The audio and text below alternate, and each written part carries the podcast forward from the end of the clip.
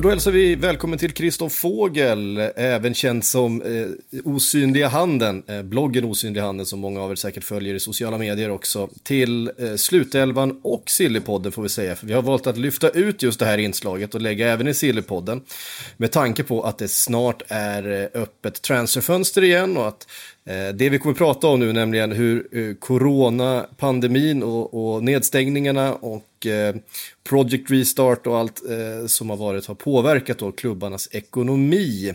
Kristoff, det här är ju din hemmaplan eh, idrottsekonomi och fotbollsekonomi. Eh, välkommen till podden.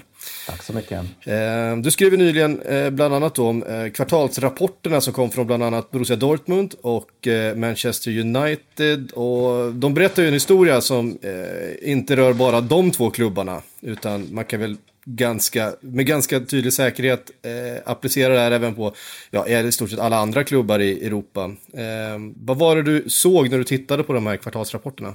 Nady, den här kvartalsrapporten som kom för perioden juli till september och om man lägger ihop den med den förra kvartalsrapporten som var den sista kvartalet för den europeiska fotbollssäsongen april till juni eh, så kan man konstatera att då har vi det här halvåret som pandemin har hållit på ungefär i Europa. Just det. Och det vi kan se framförallt är en ganska stor intäktsminskning. Eh, och det gäller både Manchester United och Borussia Dortmund. Ehm, United har förlorat ungefär 80 miljoner pund i intäkter. Eh, det handlar i första hand om publik men också tv-rättigheter. Och för Borussia handlar det om närmare 80 miljoner euro. Och det handlar också om till stora delar i publik och tv-rättigheter. Det är ju enorma pengar eh, såklart. Hur, hur stor del av de här klubbarnas ekonomi eh, är det?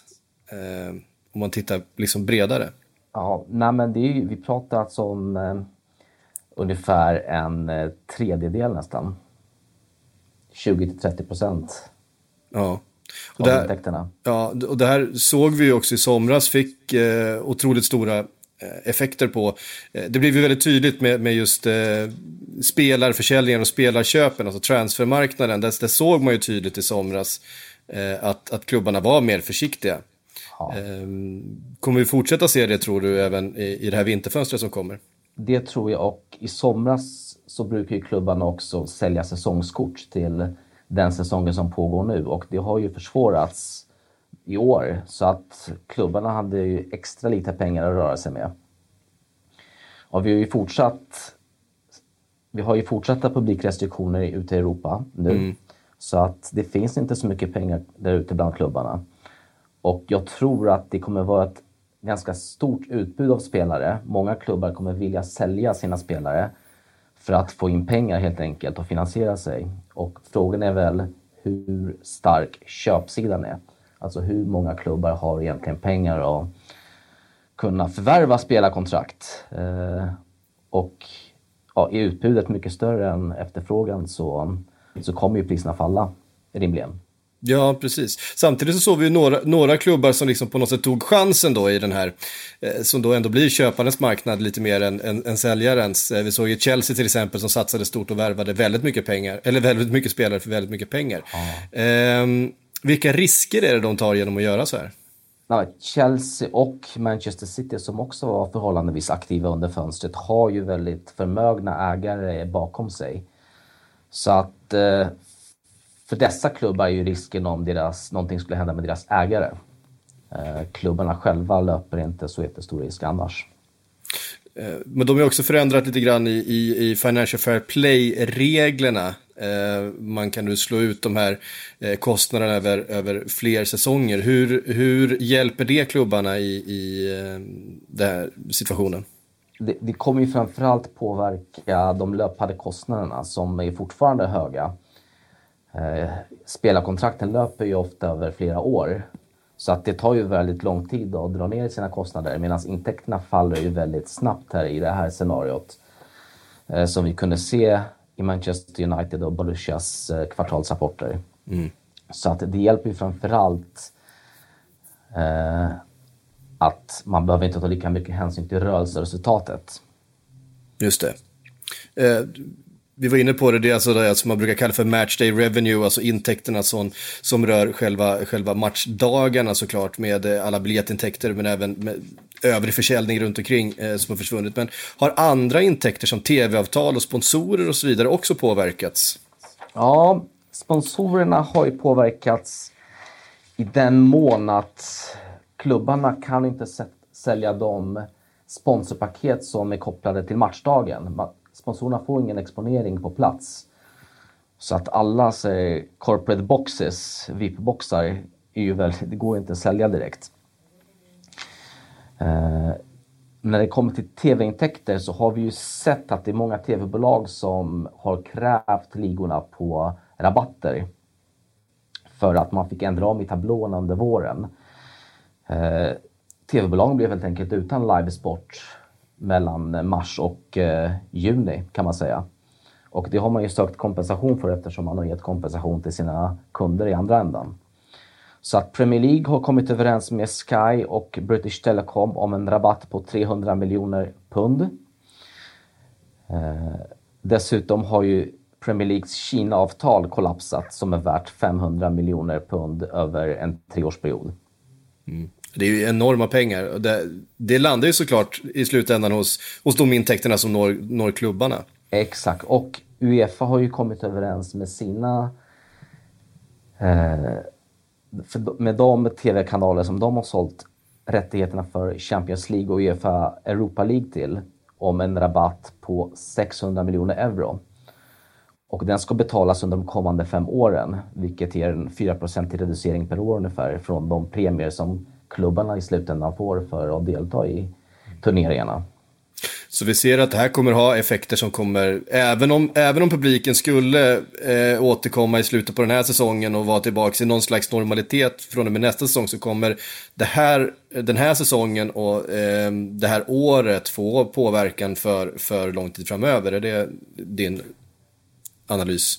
Ja, och det, det är det. Och ECA som är då de europeiska klubbarnas centralorganisation. De beräknar ju effekterna på intäkterna för den här pandemin på 6 miljarder euro över de kommande åren. Och då ska vi komma ihåg att publikintäkterna per år för högsteligorna i Europa är ungefär 3,5 miljarder euro. Så att det är mycket mer än bara publikintäkter som försvinner.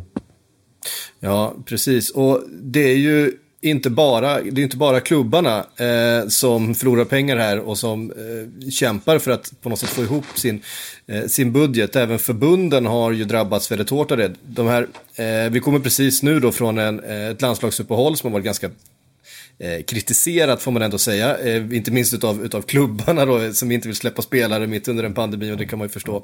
Men Eh, Eh, de här, eh, alltså Nations League-matcherna och de här eh, landslagsmatcherna som spelas nu, de är i sin tur väldigt viktiga för, för förbundens ekonomi, eller hur? Så är det, och det har ju till exempel Svenska fotbollsförbundet gått miste om väldigt fina publikmatcher som hade spelats på nationalarenan. Och då får man istället förlita sig till de tv-intäkter som man får en del av från Uefa. Och i A-gruppen rör det sig om 2,25 miljoner euro som varje deltagande land får. Och i B-gruppen är det 1,5 miljoner euro. Alltså det är, ganska, det är en ganska ekonomiskt liksom kännbar smäll att åka ur A-gruppen också. Ja, det är det. Förvisso. Det, det, det skiljer motsvarande sig 7 miljoner kronor eh, i den fasta fin då, som förbunden får. Däremot så um, har ju Sverige en god chans kanske att vinna B-ligan nästa år. Och då får ju ligavinnarna en premie också på 1,5 miljoner euro för B och 2,25 eh, miljoner euro för att vinna A-gruppen. Då. Mm. Så att eh, det kan ju visa sig om Sverige vinner B-gruppen nästa gång att man får mer pengar för det här året när man har deltagit i A-gruppen. Hur viktigt är det för förbunden att, att eh, det är klart att de precis som alla andra är, har en budget som de måste, som de måste hålla. Finns det, eh, ja, det, finns ju, det finns ju mer, mer aspekter än just de eh, ekonomiska här. Det har ju varit mycket kritik runt att man ska skyffla runt spelare världen över under, under pandemi. Finns det några andra organ? Eh, jag tänker på Uefa och Fifa som sitter på ganska mycket pengar som faktiskt borde kunna stötta upp förbunden för att kanske be, begränsa eh, de här matcherna lite grann. Ja, Uefa har ju en ganska stor eh, reservfond den är, satt, den är dock satt under risk i och med att man flyttade Europamästerskapen ett år. Så att eh, man, får in, man måste försöka spela de matcher som ändå går att spela för att inte riskera hela sin reservfond. Just det. Um... Eh, vi pratade lite grann om, om eh, sommarfönstret här. Vi har ett, ett vinterfönster, ett europeiskt eh, transferfönster på G. Eh, du sa nyss att vi förväntar dig att, att priserna kommer vara lägre än normalt även det här fönstret. Ehm, eh, om man tittar på det, jag brukar titta på, på de här transferfönstren och, och, och, priserna ungefär lite grann som på aktiemarknaden. Det, känns, alltså, eh, det styrs väldigt mycket av vad andra gör.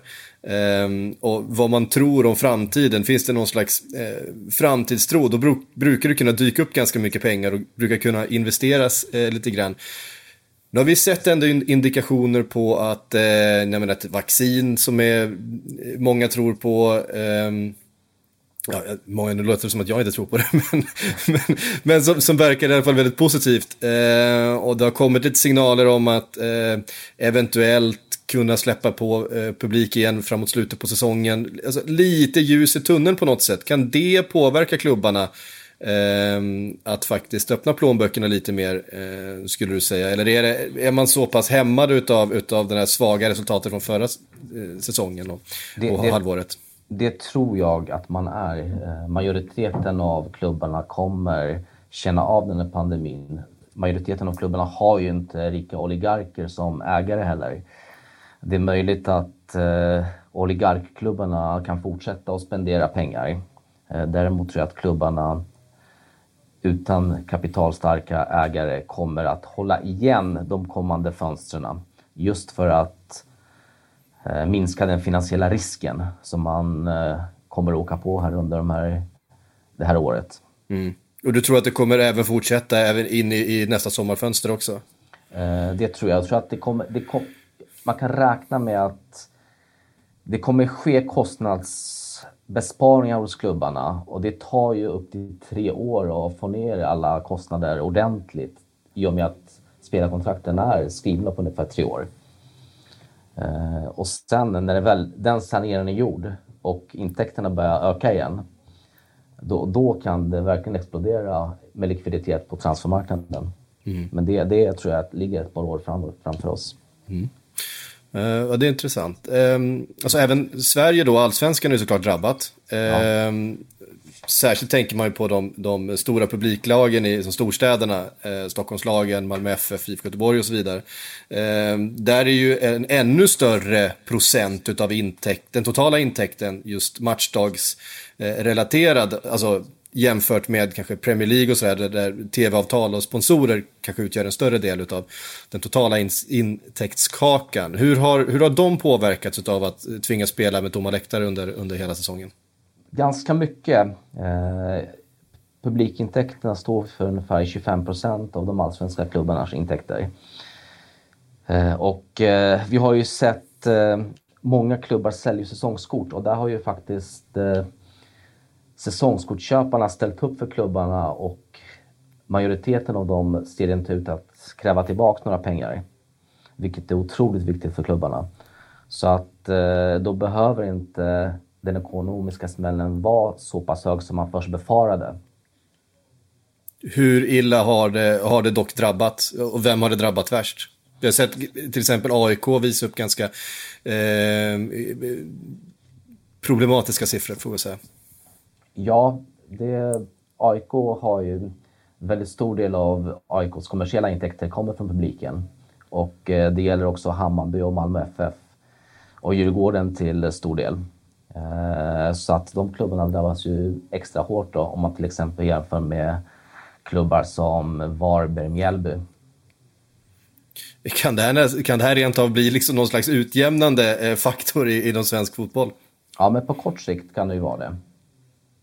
Hur, hur lång tid tror du det kommer ta för de allsvenska klubbarna att, att reparera de ekonomiska eh, skador som de har liksom drabbats av under här, den här pandemin? Nej, men det gäller ungefär samma sak för de allsvenska klubbarna. Det är möjligt att de svenska klubbarna har lite kortare kontraktstider med sina spelare. Eh, men det gäller ju att rensa ut de gamla kontrakten och sen komma på de nya så att man får ner kostnaderna. Mm. Och sen gäller det också att transfermarknaden fortsätter att fungera någorlunda bra så att eh, de klubbar som verkligen behöver pengar kan få in det via transfersystemet. Mm. Eh, det har ju pratats om att släppa in liksom, eh, lite åskådare. Just nu kanske det inte är aktuellt eh, de här närmsta veckorna, men säg att det eh, börjar öppna upp sig lite grann till våren igen. Nu är allsvenskan snart slutspelad. Eh, det ska sättas igång en ny, ny säsong eh, fram i mars. Då kanske läget ser lite annorlunda ut. Eh, att bara få in eh, vissa delar av läktaren, det har liksom pratats om att kanske ta in eh, tusen eller fem tusen på liksom en, en jättearena som Friends. Hur stor skillnad gör bara de mindre eh, åtgärderna? De mindre åtgärderna gör inte så mycket skillnad ekonomiskt eftersom klubbarna får ju extra kostnader om de öppnar upp läktarna för publikservice, eh, säkerhet och så vidare. Däremot så kan klubbarna visa att de kan hantera en publik på ett säkert sätt. Kan ju få myndigheten att släppa upp ännu mer. Så det är viktigt. Varje steg är viktigt. Mm. Ja, nej, men vi hoppas ju verkligen på att det här eh, närmar sig slutet. Det blir väldigt intressant att följa eh, eh, inte minst då transferfönstret som kommer att vara väldigt viktigt för även de svenska klubbarna ju såklart. Eh, här fram i januari. Eh, det finns en del intressanta svenska spelare i, i allsvenskan så säkert. Eh, Också kan man ju tänka sig då, eh, är lite billigare, kanske inte har samma lönekrav som en del andra eh, spelare från andra europeiska ligor och kanske kan vara mer attraktiva på en eh, internationell transfermarknad i ett sånt här läge. Eh, det, det, skulle nog vara, vara nyttigt för, för de svenska klubbarna att få, eh, få in lite intäkter den ja. vägen. Verkligen. Eh, vet du vad? Tusen tack Kristoffer för att du var med i eh, Slutelvan och Sillypodden. Tack själv. Det där var en intervju vi hämtade från podden Slutelvan med Kristoff Fågel som driver bloggen Den osynliga handen om fotbollsekonomi. Slutelvan är Aftonbladets eh, nya fotbollspodd som då görs för Aftonbladet Plus. Eh, kommer ut varje torsdag och har med hela Aftonbladets fotbollsredaktion och vi avhandlar de aktuella fotbollshändelserna i Europa och i Sverige. Så gå in på Aftonbladet, leta upp Slutelvan och följ oss där. Och nu är det ju inte speciellt länge innan Silly-maskineriet rullar igång igen, så watch this space som man brukar säga, så drar snart Silly-podden igång med sina vanliga program igen.